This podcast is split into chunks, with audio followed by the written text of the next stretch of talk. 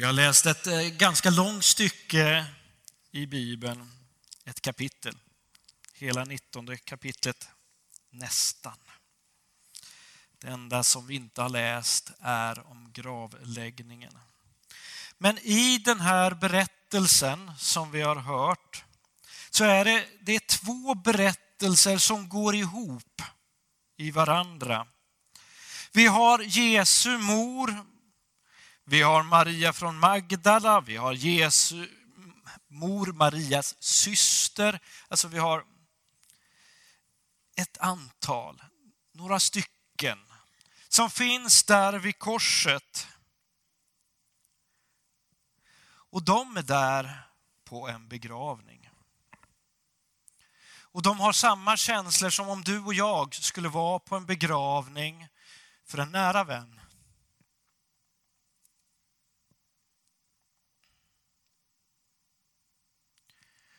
Och det de ser är sin nära vän på väg att dö. Samtidigt som de finns där och är ledsna, bestörta, tycker allt är fruktansvärt, finns soldaterna, vi har överste prästerna och alla andra människor som finns där som är glada över att rätt beslut har fattats. Hur kan det bli så här, den här krocken? Då måste vi gå bakåt i tiden, inte bara det här kapitlet i Johannes evangeliet. Utan vi får gå tillbaka till när Jesus började sin verksamhet. När det blev känt bland överste prästerna, fariseerna och de skriftlärde att Jesus förkunnade någonstans där ute så blev de nyfikna på honom och ville veta vad säger han till vårt folk som vi är satta till att leda? Vad gör han? Vi vill ju inte ha någon galning som leder folket fel.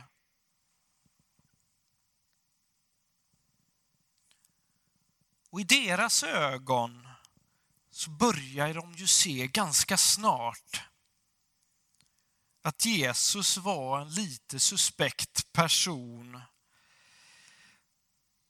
som inte riktigt följde normen. Hans läroverksamhet, om man tittar på den strikt, liknade en rabbins.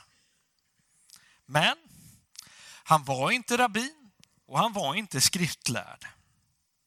Han saknade den formella utbildningen och han hade ingen officiell fullmakt ifrån Jerusalems överste präster att få gå ut att eh, berätta likt en rabbin.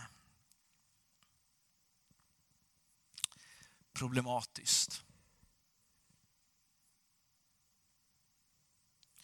Till detta kommer att Jesus uppträdde med sådana anspråk som överträffade faktiskt tidigare profeter och tidigare rabbiner. Ja, alltså profeter och rabbiner tidigare, de citerar ju lagen och kommenterar den för folket. Profeterna var ju ofta så att de pekade på, så här står det och så här gör ni. Kom igen, tillbaka till rätt lära som står här. Men Jesus han gör lite annorlunda. I bergspredikan, den här fantastiska predikan som vi tycker läser om. Men tänk på de små orden. Så här säger Jesus. Ni har hört att det blev sagt till fäderna. Och sen så citerar han. Men sen gör han en sak som man inte ska göra. Men jag säger er alltså, ändra lite grann. Ingen profet eller rabbin skulle våga göra det. Ingen profet eller rabbin skulle heller våga göra som Jesus säger till en lam man. Mitt barn, dina synder är förlåtna.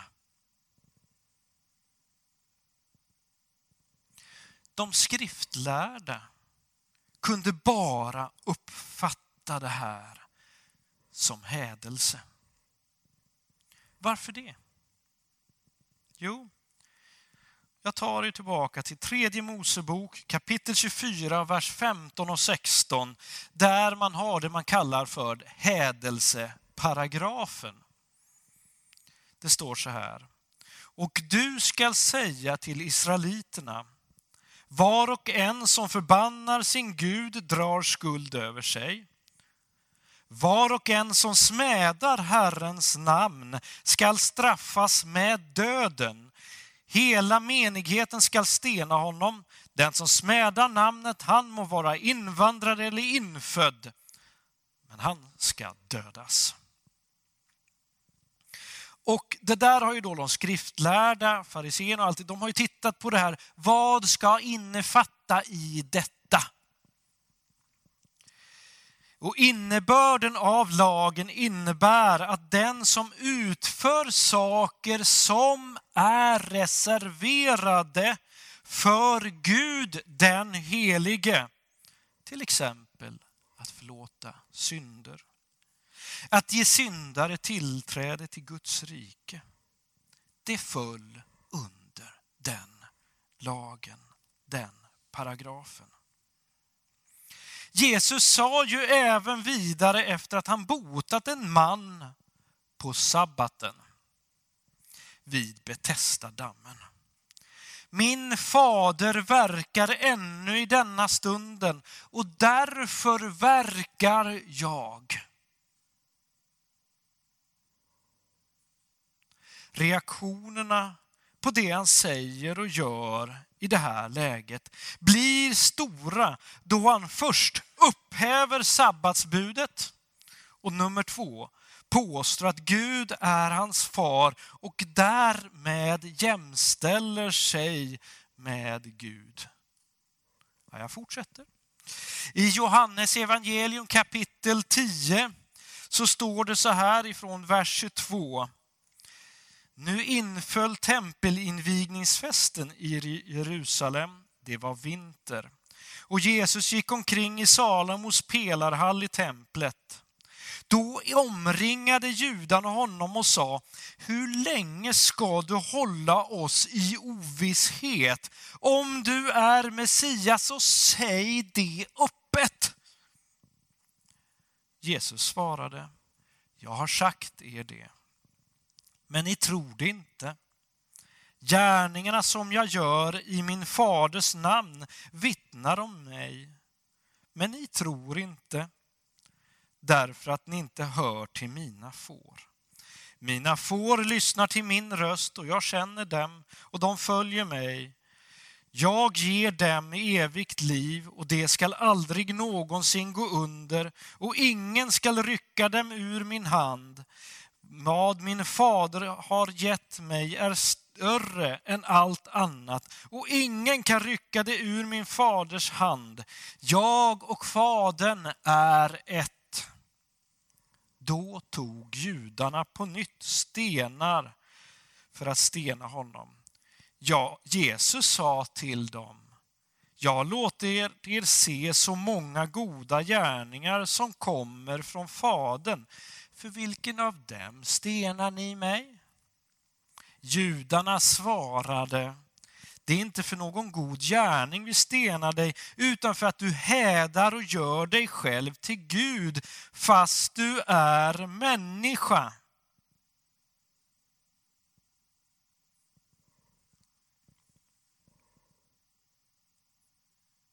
Det är inte konstigt att judarna vill ha honom död. det är inte konstigt att översteprästerna tillsammans med rådet börjar fundera och prata om hur ska vi få honom död? För i deras blick, i deras synsätt så gör han sig till Gud, han som är bara en människa. I deras synsätt så är det klart och självklart. Och vi talar ofta om konspirationen för att få honom död och vi kan ju läsa i evangelierna, liksom om vi läser alla fyra kan vi ju se, ja och så fanns det falska vittnen och det fanns det ena och det andra, allt för att de skulle få honom död.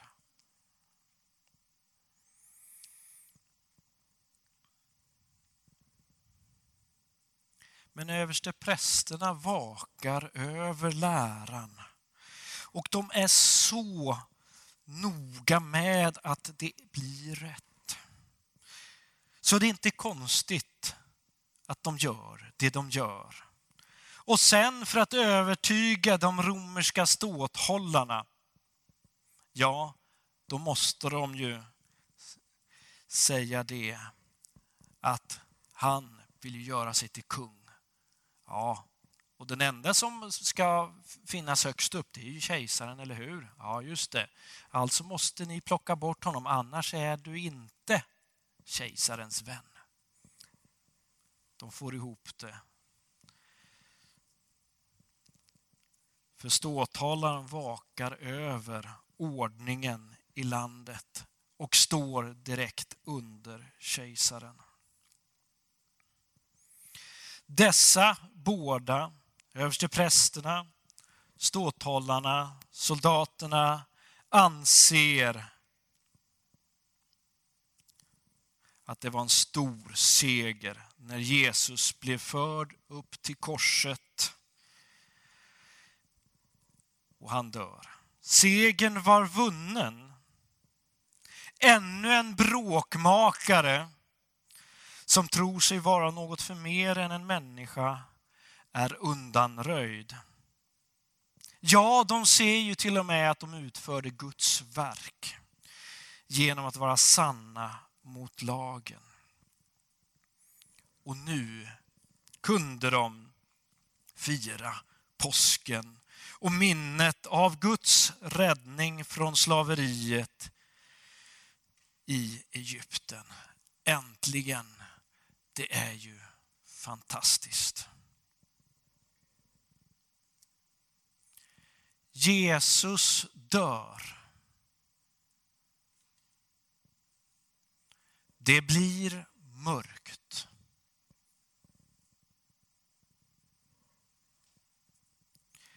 Jesu lärjungar tillsammans med de kvinnor som följer Jesus gömmer sig i rädsla. Ledsna, fulla av fruktan och övergivna.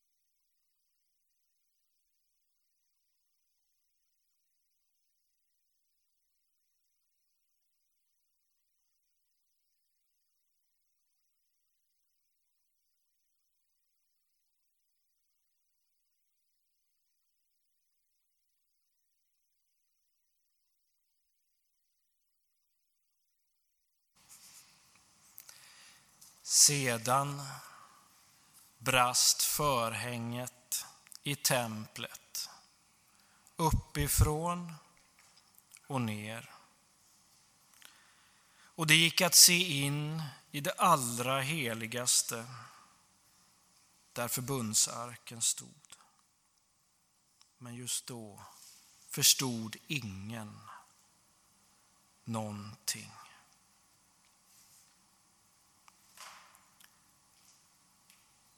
Jesus, du dog för att vi skulle ha liv.